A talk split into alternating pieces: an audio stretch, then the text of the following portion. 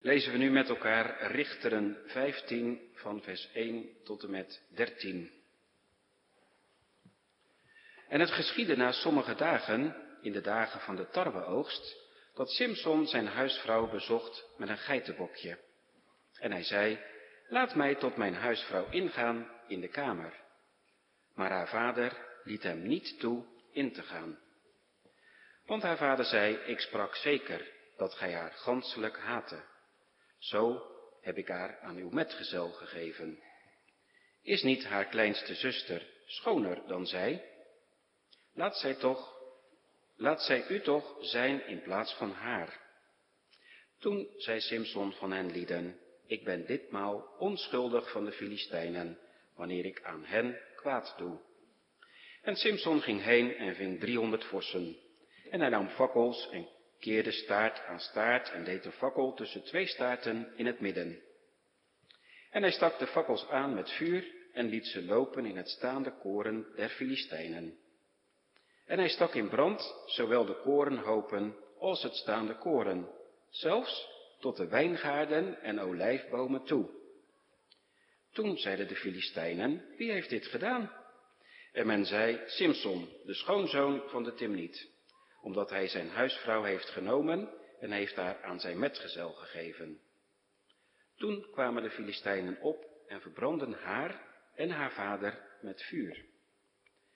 Toen zei Simson tot hen, zoudt gij al zo doen? Zeker. Als ik mij aan u gewroken heb, zo zal ik daarna ophouden. En hij sloeg hen, de schenkel en de heup, met een grote slag, en hij ging af en woonde op de hoogte van de rots van Etam. Toen togen de Filistijnen op en legerden zich tegen Juda en breidden zich uit in legie. En de mannen van Juda zeiden, waarom zijt gij lieden tegen ons opgetogen? En ze zeiden, wij zijn opgetogen om Simson te binden, om hem te doen gelijk hij ons heeft gedaan. Toen kwamen drieduizend mannen af uit Juda tot het hol der rots van Etam en zeide tot Simson, wist gij niet dat de Filistijnen over ons heersen? Waarom hebt gij ons dan dit gedaan? En hij zei, gelijk als zij mij gedaan hebben, alzo heb ik hun lieden gedaan. En hij zei tot hem, wij zijn afgekomen om u te binden, om u over te geven in de hand van de Filistijnen. Toen zei Simson tot hen, zweert mij dat gij lieden op mij niet zult aanvallen. En zij spraken tot hem, zeggende, nee, maar wij zullen u wel binden en u in hun liederhand overgeven. Doch wij zullen u geen zins doden. En zij bonden hem met twee touwen, twee nieuwe touwen, en voerden hem op van de rots. Simson is woedend naar huis gegaan. Maar in Timnat is het feest gewoon doorgegaan. Want de bruid is weggegeven aan een ander, waarschijnlijk aan de ceremoniemeester van de bruiloft. Probleem opgelost. Die Simpson, die zijn ze kwijt en voorlopig is de rust in Timnat weergekeerd. Simpson zelf zit thuis. Dat verkeerde huwelijk met die heidense vrouw is door God geblokkeerd. God heeft hem de pas afgesneden. En wat is dat een zegen, gemeente, als de Heer dat doet? Het dringt ons allemaal, jong en oud, tot de vraag, ben ik nog wel op de goede weg? Of ben ik ondertussen ook van Gods weg afgegaan? Wat is het in dat laatste geval een zegen als de Heer ons tegenkomt en zegt stop, tot hier toe en niet verder. Je roeping, Simpson, is anders. Leven tot mijn eer. Voor de grote verlosser, de Jezus Christus, was dat, dat weet u, nooit nodig. Hij hoefde nooit gecorrigeerd te worden. Hij hoefde nooit herinnerd te worden aan, door zijn vader aan zijn roeping. Hij deed altijd wat zijn vader wilde. En hij stond ook nooit bij de scherven van zijn verzondigde leven. En daarom mag je juist wie je ook bent, met je verzondigde leven ook op deze dag naar Hem toe gaan. Simson zit thuis. God heeft hem de pas afgesneden en gaat hem opnieuw de pas afsnijden. Wat is Simson? Wat zijn wij toch hardleers? Het is ondertussen een mooie zomerse dag in de maand mei. Simson kan dan wel boos geweest zijn, maar hij is ook een man dat blijkt die, die weer kan afkoelen. Hij klopt op de deur in Timnat. Twinkeling in zijn ogen, jong geitje onder zijn arm, als cadeau, als verzoenend gebaar. Het is duidelijk. Hij is bereid om te vergeven en te vergeten. Klopt. De deur gaat open. Schoonvader. Simpson. Een misselijkmakend gevoel draait door zijn, door zijn maag. Simpson? Ja, schoonvader. Ik wil mijn vrouw, vers 1. Ja, maar, ja, maar Simpson, vers 2. Ik dacht dat je haar haatte. En dus heb ik haar aan een ander gegeven. Maar ik heb nog wel een andere dochter, Simpson, haar jongste zusje. Is dat niet iets? Toen, vers 3, zei Simpson tot hen lieden, tegen de Filistijnen, kennelijk zijn het toeschouwers, ik ben ditmaal onschuldig van de Filistijnen, wanneer ik aan hen kwaad doe. Is dit heilig vuur? Is dit zoals in het verleden het drijven van de Heilige Geest? Zeker, Gods doel wordt uiteindelijk wel bereikt. Daar zorgt de Heer altijd zelf voor. Maar dat de geest van de Heer hem drijft, staat hier niet. En dat ik van Simpson staat wel heel erg centraal. Ik ben onschuldig als ik hen kwaad doe. En even verderop in vers 11 zie je hetzelfde. Zoals ze mij gedaan hebben, zo heb ik hun gedaan. Zo zij, zo ik. Of is het dwars door dat egocentrische, dat ik-gerichte van Simpson, toch ook iets van, van verborgen drang van de Heer om de vijand te verslaan? Zonder twijfel. Simpson, vers 4, vangt 300 vossen. In Nederland, jongens en meisjes, zou dat niet lukken. Maar het Filistijnse land zat in die tijd vol met vossen. Dat blijkt bijvoorbeeld uit 1 Samuel 13, waar het land van de Filistijnen Sual wordt genoemd. En Sual betekent vossenland. Maar dan nog. Hoe slim moet je zijn om een vos te vangen? En hij vangt er niet één, maar driehonderd. En hij bindt ze met twee staarten als, als koppels aan elkaar vast, met een fakkel ertussen. En die fakkel steekt hij in brand. Ja, en die vossen natuurlijk, arme beestjes, totaal in paniek, van angst en pijn, rennen ze overal naartoe, dwars, dwars door het rijpe koren van de Filistijnen. Ze verspreiden zich letterlijk als een lopend vuurtje, als een leger van viervoetige brandstichters door het land en verwoesten de complete oogst. Vers 5, koren, maar ook wijngaarden en olijfbomen. Kortom, alles. Dit is een nationale ramp. Dit is, hun voedselvoorziening, hun dagelijkse eten en drinken. Dit zijn hun offers voor Dagon. Maar het gaat allemaal in vlammen op. Door het geloof doet Simson grote dingen. Maar vooral God is bezig Israël te verlossen. Toen zeiden de Filistijnen, vers 6, wie heeft dit gedaan?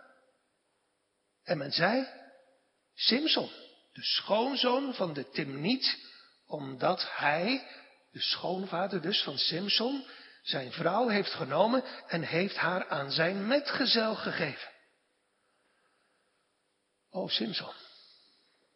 Ja, maar die durven we niet zomaar even aan te pakken. Toen kwamen, vers 6, de Filistijnen op en verbranden haar en haar vader met vuur. Hoe een verkeerde relatie kan aflopen. Simson was aan de haal gegaan met een heidense vrouw. Zij had hem bedrogen.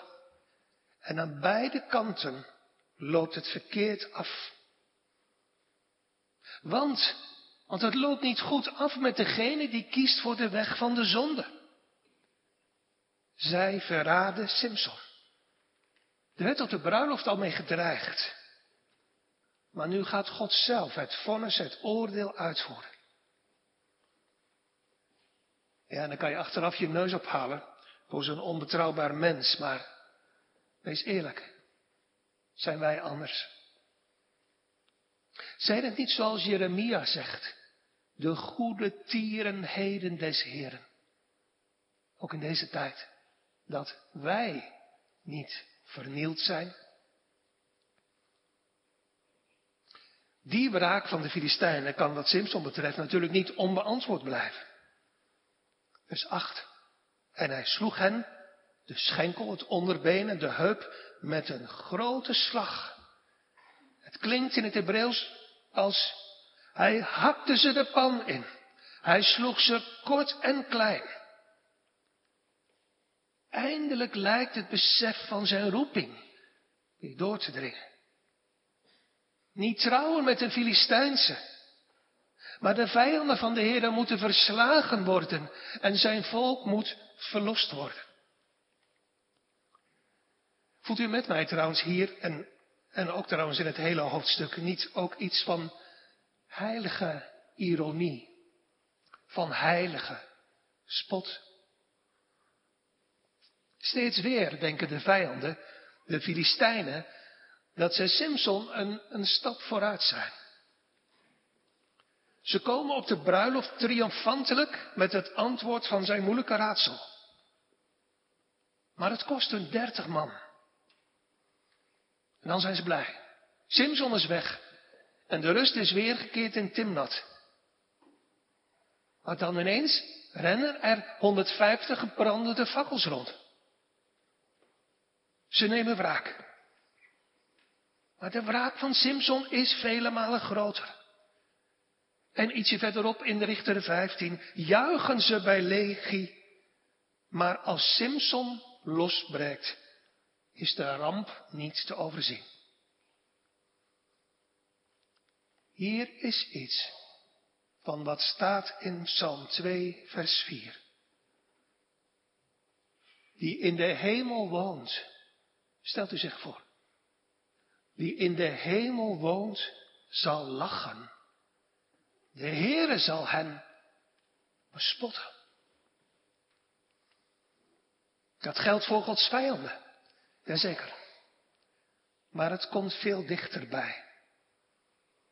Het geldt uiteindelijk voor alle mensen die niet voor Hem hebben willen buigen. Die in de hemel woont, zal lachen. De Heere zal u bespotten. Terwijl ik, zegt de Heer in het spreukenboek, geroepen hebt. Maar u hebt geweigerd. Ik heb mijn hand uitgestrekt. Maar er was niemand die het opmerkte. En u hebt al mijn raad verworpen en mijn bestraffing, ook in deze tijd, niet gewild. Zo zal ik, stelt u het zich voor, zo zal ik in uw verderf lachen. Ik zal spotten als uw vrezen komt. Vijanden van God. Ook hier in Capelle Bieselingen. Wees gewaarschuwd. En hij ging af, vers 8, en woonde op de hoogte van de rots Etam. In, zo staat in vers 11, in een hol, in een, in een kloof in die rots, ergens in de buurt van het plaatsje Zora. En daar vindt Simpson voorlopig een veilige plek. Natuurlijk wachtend op de reactie van de Filistijnen, want die komt natuurlijk. Die Simpson die moet eraan. Opsporing verzocht. Most wanted. Simpson. Waar is die gebleven? Natuurlijk, spionnen genoeg, ze komen erachter. Met een stevig leger strijken de Filistijnen neer in dezelfde buurt, in Legie. En dat, en nu moet u voor uzelf met mij heel nauwkeurig gaan lezen. Dat leidt tot grote verlegenheid bij de mannen van Juda. Tot eenzelfde soort van verlegenheid die je soms, nu misschien wel, die je soms in de kerk ook kan hebben. Als de grote verlosser, de Heer Jezus Christus, ineens heel dichtbij komt. Want, nou dan moet je kleur bekennen. Voor wie van de twee ben je? Ben je voor de verlosser? Ben je voor Simpson? Nou, dan is van nu af aan je rustige leventje voorbij, dan krijg je de Filistijnen op je dak. Of ben je voor de Filistijn? Ja, maar dan moet je zorgen dat je de verlosser kwijtraakt. Zij proberen het voorzichtig aan te pakken. Versting. En de mannen van Juda zeiden, zeg Filistijnen, waarom bent u tegen ons opgetrokken, opgetogen? Met andere woorden, wij hebben toch niks gedaan? Wij zijn voorbeeldige mensen toch? En zij, Filistijnen, zeiden, nee hoor, wij laten jullie echt met rust, het gaat ons alleen om Simson. Letterlijk, we zijn opgetogen om Simson te binden. Om hem te doen zoals hij ons gedaan heeft. Als jullie, mannen van Juda, die man, die Simson nu eens uitleveren aan ons. Ze spannen Juda voor hun karretje. Zoals de duivel heel vaak en misschien wel altijd ook anderen voor zijn karretje spant. Om zijn slinks doel te bereiken. Eerst was het die heidense vrouw in Timnat. En nu zijn het de laffe mannen van Juda. Kijk maar even 11. Toen kwamen 3000 notabene 3000 mannen af uit Juda tot het hol van de rots Etam en zeiden tot Simson, wist u niet dat de Filistijnen over ons heersen? Waarom hebt u ons dan dit gedaan? En hij zeide tot hen, zoals ze mij gedaan hebben, alzo heb ik hun gedaan. Simson is hun door God gestuurde verlosser. Wat is dit laf? Wat is dit onbetrouwbaar? Wat is dit corrupt? Juda was een leeuwenwelp, maar nu ineens bang als een haas. Dit is het gevolg van de zonde van Juda. Zonde, dat is nog steeds zo. Zonde maakt laf. Zonde maakt bang om eerlijk te zijn, bang om ermee te breken. Lafheid en angst laten ons, hen, maar ook ons, wegduiken en kiezen voor de rust, voor de rust van, laten we maar zo doorgaan zoals we altijd gingen. In plaats van met de zonde te breken, die te beleiden voor God, voor hem te buigen en terug te keren tot de Heer. Ze zeggen, zeg Simpson, weet je niet dat de Filistijnen hier de baas zijn? Wat een misverstand. Ze zeggen, zeg Simpson, dit, dit waar je nu bent, dat heet wel Israël. Maar de Filistijnen zijn hier de baas.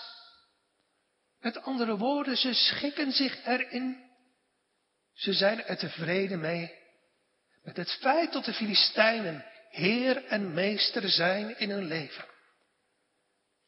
En de verlossing door de aanstaande verlosser Simson zien ze als bedreiging van hun rust en vrede. Dat is uit het leven gegrepen.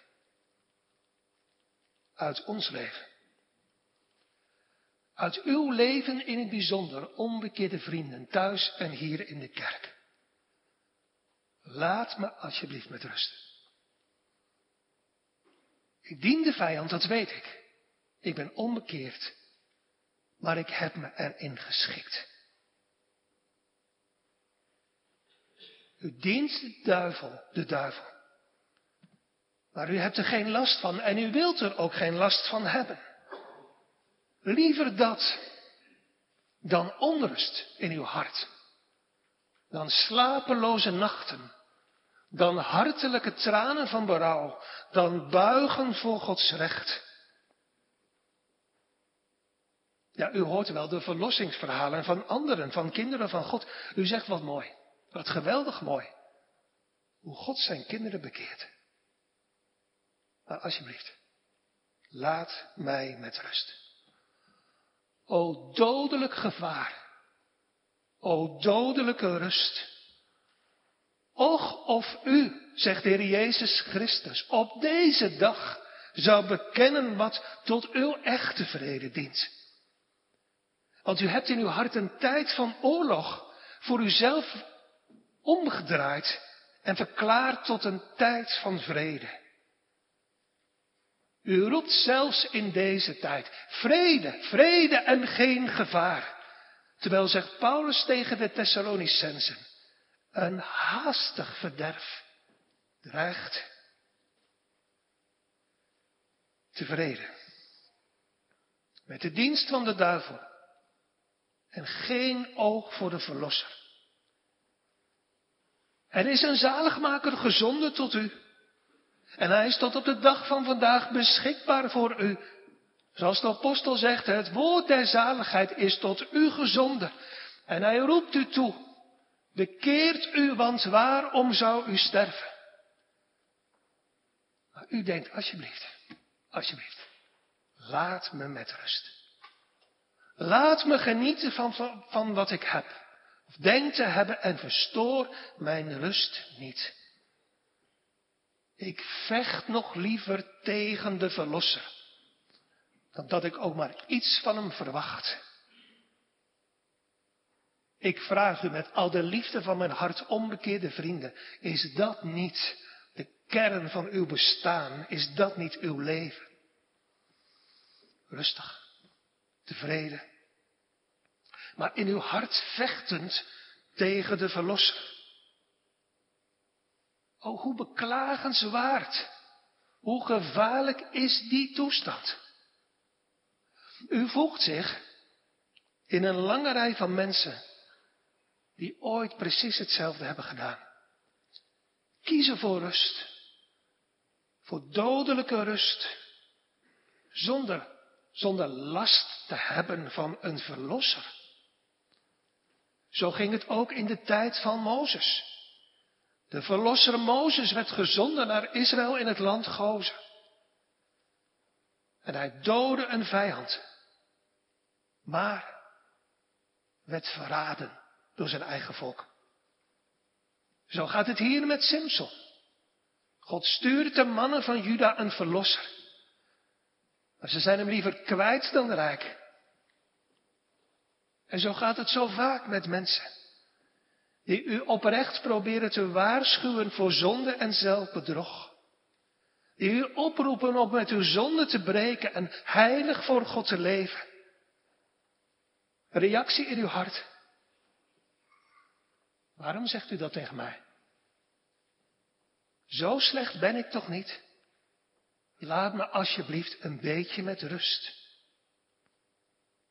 Zo ging het ook en vooral in de vierde en laatste plaats met de Heer Jezus Christus.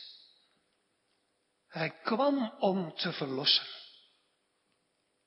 Het is adventstijd. Geboren in de, in Bethlehem en gelegd in de kribbe. Maar, en dat is ook adventtijd, weg met deze. Wij willen niet dat deze koning over ons zou zijn. De zijnen hebben hem niet aangenomen. Hij deed goed. Hij genas de zieken. Hij wekte doden op. Jazeker, zijn woorden waren scherp, maar eerlijk, gedoopt in liefde en gericht op hun behoud. Maar hij werd verraden door Petrus, verlaten door al zijn discipelen. En Caiaphas zei, het is ons nut dat één mens sterven. Weg met hem. Dat één mens sterven voor het volk en het hele volk niet verloren gaat. En zo hebben zij hem, de geboren koning van Bethlehem, uitgeleverd aan de vijand. Hij kwam als de leeuw uit de stam van Juda, om de slang de kop te vermozzelen, om dood en hel te overwinnen.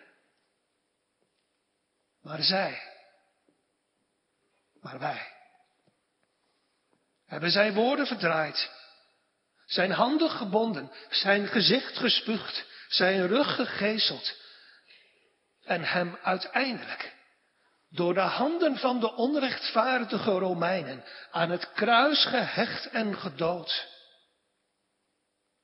Huil in uw hart en breek van berouw. U, ik, die de grote Verlosser zo behandeld heb. Want wij hebben het gedaan. Wij hebben God op het hoogste misdaan. God stuurde uiteindelijk in de volheid van de tijd de grote verlosser Jezus Christus. Maar zij en wij zagen geen gestalte of heerlijkheid in hem. Wij wilden hem niet, we hebben hem niet aangenomen, we hebben hem weggedaan en geroepen.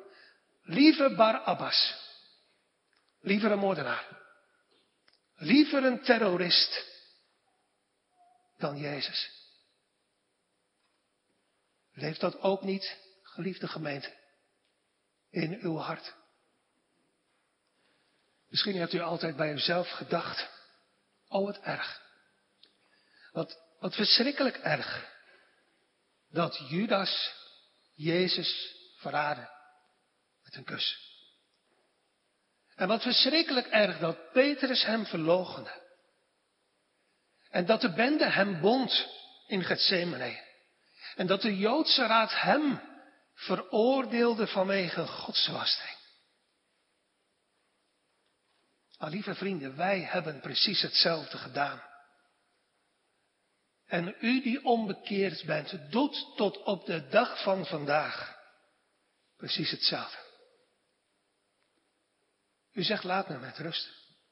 Alsjeblieft, laat me gewoon verder gaan met, met netjes zijn, met mijn trouwe kerkgang en met mijn ijverige leven, maar ja, helaas, maar daar kan ik verder ook niets aan doen. Maar zonder deze Jezus. Omdat u Hem niet wilt. U hebt ook uw verlosser laten binden, ter wille van uw eigen rust. Wees eerlijk. U wilt uw hart niet onderzoeken. U wilt uw nood niet voelen. U wilt uw gevaren niet zien. U wilt uw schuld niet beleiden. Want u wilt geen zondaar. U wilt geen vijand genoemd worden. We willen vroom en netjes zijn. Goed gelovig en ijverig. Liefdevol en, en goed bezig. We willen zingen. Zeker in dat venstijd. We willen zingen van Jezus liefde. Maar we willen geen tranen huilen vanwege onze haat tegen Hem. We willen niet staan. Denkt u maar terug aan Psalm 139 vorige week. Voor het oog van de alwetende God ontmaskerd als zondaars, als verwerpers van de zaligmaker. We haten allemaal. Ik ook van mezelf. Dat ontmaskerende werk van de Heilige Geest. Die ons wakker wil maken uit onze dodelijke rust.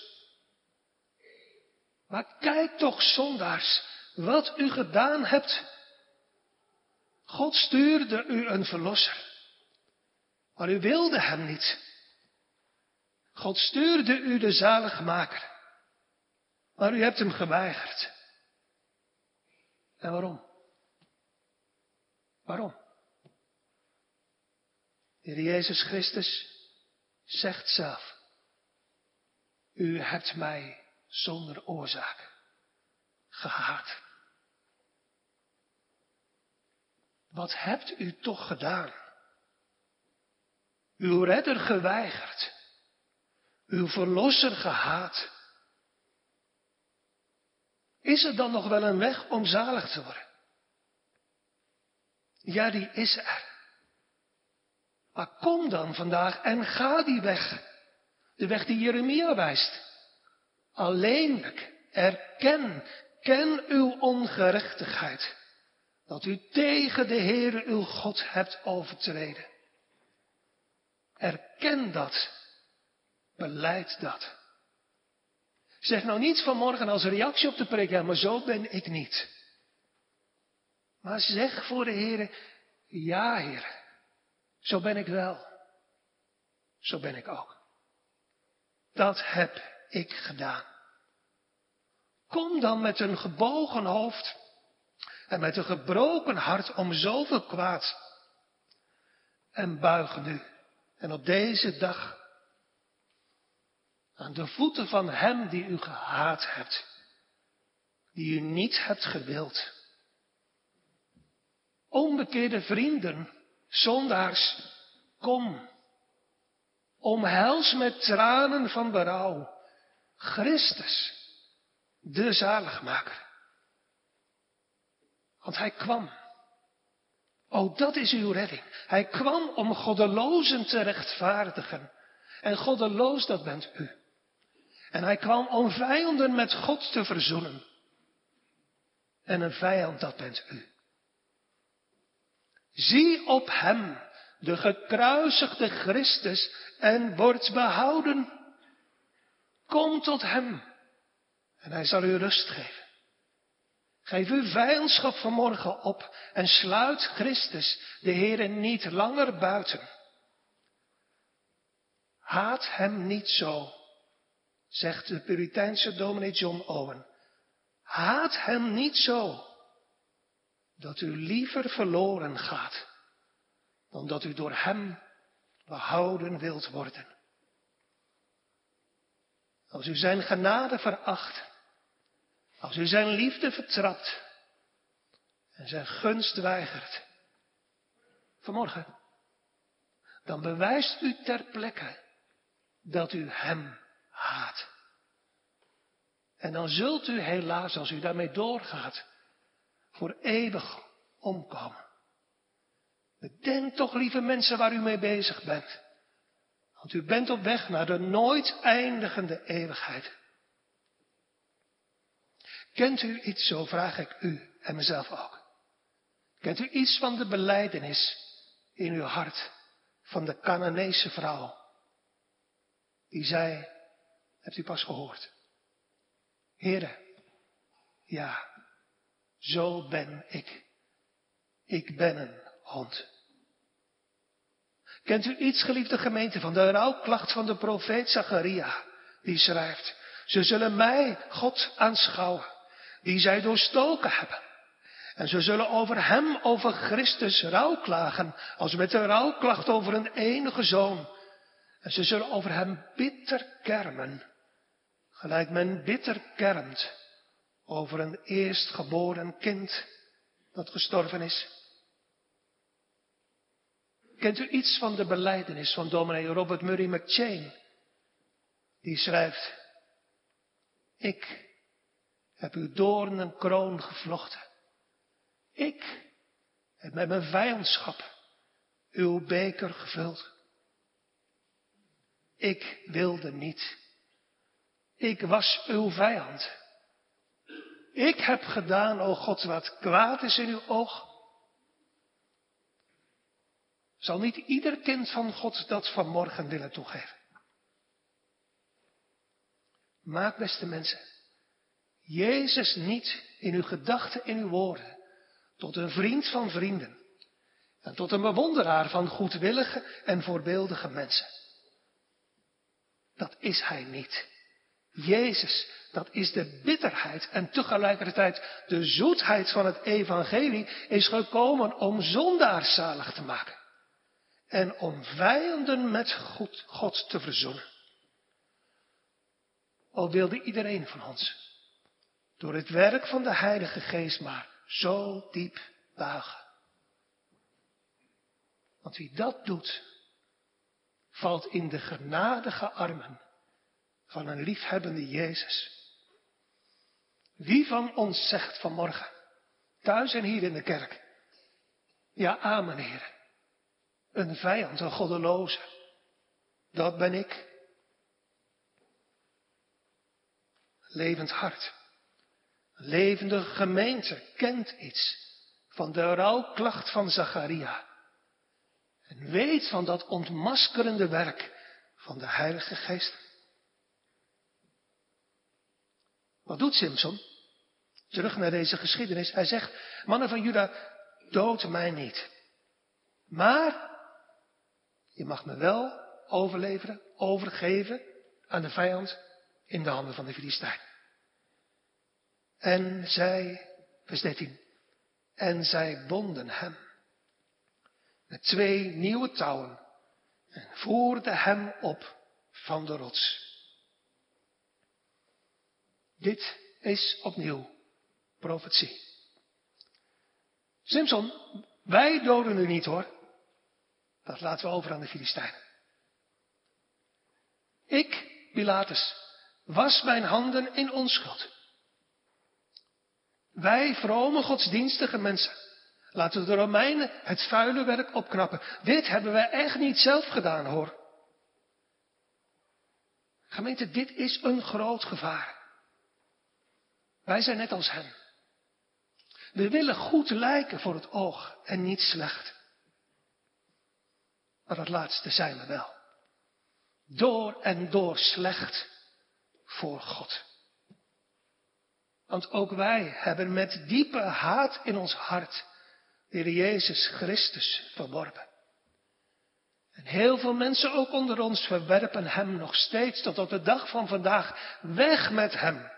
We willen niet dat deze koning over ons zij. Geef ons de Filistijnen maar. Ik bedoel u, die uw rustige hart niet wil onderzoeken voor het alwetende oog van God. Ik bedoel u, en ik meen het oprecht en van harte, die met rust gelaten wilt worden, op uw verkeerde weg, in uw zonde, in uw vroomheid, in uw blijheid, in uw liefde, terwijl u niet erkennen wilt dat u vijand bent. O, doorziet toch uw lot, lieve vrienden. Kijk toch naar wat uw hart en uw handen ondertussen doen. Niet één keer, maar al zo vaak en steeds weer. U verwerpt, terwijl u zo rustig doorleeft, u verwerpt de zaligmaker, de verlosser. En u zegt, laat de Filistijnen, laat de duivel maar over mij heersen. Hier zien we de zwartheid van onze haat tegen God en Christus. Maar tegelijkertijd schittert hier tegen die zwarte achtergrond de liefde van Christus en de liefde van God voor de zijne. Juda, de mannen van Juda verwachten veel verzet, dus komen met een leger, vers 11, van notabene 3000 man. Later, Romeinen verwachten veel verzet, komen met een leger gewapend met zwaarden en met stokken. Maar Simpson geeft zich vrijwillig over. Laat zich binden. En later Christus geeft zich vrijwillig over. en laat zich binden. Terwijl hij zei, als u mij zoekt, laat deze discipelen dan heen gaan. Hij had ze kunnen doden. Met een legioen van engelen. Eén engel was genoeg geweest. Maar hij deed het niet. Want zij hebben hem wel zonder oorzaak gehaat. Maar hij had hen lief. Hij wilde lijden en sterven voor zijn vijanden. Voor zulk soort van mensen. Hij was immers gekomen om zijn ziel te geven tot een rantsoen voor velen. Hij was immers gekomen om te dienen, om zichzelf te vernederen, te vernietigen tot in de dood van het kruis. En dus zei hij hier, bind mij maar. Jezus liet zich binden. Door de Romeinen. Ja, maar vooral daarachter en ten diepste door het straffende recht van zijn vader. Het was ten diepste zijn hemelse vader die hem bond, die hem terechtstelde tot de dood van het kruis. Wat schittert op Golgotha, de liefde van de Vader en de liefde van Christus voor, voor goddelozen, voor vijanden. Als je jezelf goed vindt en rustig door wilt leven, dan kijk je niet en draai je om en loop je verder. Maar als je jezelf door Gods genade hebt leren kennen als een goddeloze, als een vijand van God, dan roep je uit op Golgotha, o liefde, die om zondaars te bevrijden, zo zwaar wilde lijden. En dat, en dat zo gewillig, zo, zo vrijwillig en met al de liefde van zijn hart. En zij, terug naar de geschiedenis, vers 13b en 14a, zij bonden hem met twee nieuwe touwen en voerden hem op van de rots. En als hij kwam tot legie, zo juichten de Filistijnen hem tegemoet. Simson laat zich binden. Als een type van Christus, die zich in de volheid van de tijd zou laten binden door zijn vader. Opdat hij, zo zegt ons avondmaalsformulier, opdat hij ons, kinderen van God, zou ontbinden. Simpson laat zich verlaten door zijn broeders, als type van Christus, alleen gelaten, verlaten door zijn broeders en door zijn vader. Opdat wij, kinderen van God, nimmer meer nooit door God verlaten zouden worden. Hier wordt Christus in deze oud-testamentische geschiedenis voor onze ogen geschilderd, zoals Paulus later zegt in Galaten 3, gekruist zijnde. Maar als u dat dan voor ogen ziet, wendt u dan naar Hem toe en wordt behouden. Zie dan op Hem en geloof. In geloof kijkend naar Zijn heerlijkheid. Naar de heerlijkheid en de glorie van zijn liefde. Naar de heerlijkheid van zijn vernedering. Van zijn kruisdragen. Van zijn bittere lijden. Van zijn verlating. Zie op hem in geloof. En u zult hem zien. Degene waarvan we zongen, die veel schoner is dan de mensen, omdat er vanwege dat lijden en vanwege die liefde genade op zijn lippen is uitgestort. Voor vijanden, voor goddelozen. Voor degenen die hun leven lang hem al hebben gehaat. Gaat u, mag ik u vragen, gaat u gebukt onder uw vijandschap? Onder uw innerlijke onwil en verzet? U weet wel hoe dat voelt. Want dat ken ik ook uit mijn eigen hart. Gaat u gebukt onder uw totale onvermogen? Kijk dan in gedachten naar deze Simpson. En u ziet een beeld van Christus. Die die vijandschap en die smaad, zoals we gezongen hebben, vrijwillig wilde verdragen. en zich liet binden tot de dood toe. En daarom is hij bereid vanmorgen uw banden waar u onder gebukt gaat te breken. Zie op hem en word behouden. Buig in uw hart aan zijn voeten neer. Erken en beleid uw opstand en vijandschap. Uw nood en dood. En zeg heel eenvoudig. Heere, zonen Davids, ontferm u over mij. Laat hem het werk doen. Want uw werk is nutteloos en waardeloos. Zalig worden, dat weet u toch, is Gods werk. Het werk van God de Vader, het werk van God de Zoon en het werk van God de Heilige Geest. Dat kwam nog nooit één mens aan te pas. Nooit is iemand gaan geloven in eigen kracht. Tot op de dag van vandaag, in deze laatste dagen, is God van harte bereid om vijanden met zichzelf te verzoenen. Door de dood van zijn lieve zoon. Door God gezonden naar deze wereld. Gezonden tot u. Gebonden door zijn vader op Golgotha. Maar nu gezonden om een blijde boodschap, zegt Jezaja, te brengen tot de zachtmoedigen. En om te verbinden. De gebrokenen van hart om de gevangenen vrijheid uit te roepen en de gebondenen opening van de gevangenis. Kom zondaars, vandaag, er is genade voor vijanden. Daarom buig uw knieën en bid, Heer, om de meerdere Simpson om uw lieve zoon. Breek mijn vijandschap en maak mijn banden los. Tot roem van uw naam en tot heerlijkheid van uw Christus. Bid.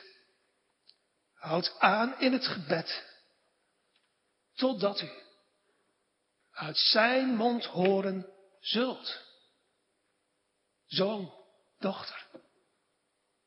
Uw zonden die zonde van uw vijandschap en van uw goddeloosheid en van uw haat, uw zonden, zijn u vergeven.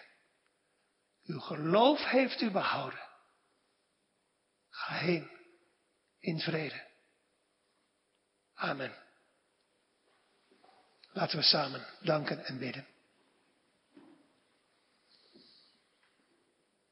Heren, hoe groot is ons kwaad? En wat kunnen we daar onbewogen naar luisteren en over nadenken? Maar wij, heren, hebben uw kroon gevlochten en uw beker gevuld. U aan het kruis geslagen. U niet gewild. O God, verzoen onze zware schuld, die ons met schrik moet vervullen. Maar wij danken u tegelijkertijd, Heer, voor uw onuitsprekelijke gaaf. Voor de Heer Jezus Christus. Die dat alles ook in ons leven wilde verdragen. En vijanden met u wilde verzoenen. Heren, we aanbidden u om die genade. Daar zijn, letterlijk, geen woorden voor.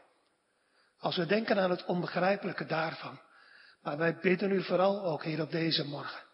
Of u al diegenen die zo niet als een vijand met u verzoend zijn, vandaag zonder uitstel op hun knieën wilt brengen. Om te roepen dat wij samen bidden. O God, wees ons zondaars genadig. Om Jezus wil. Amen.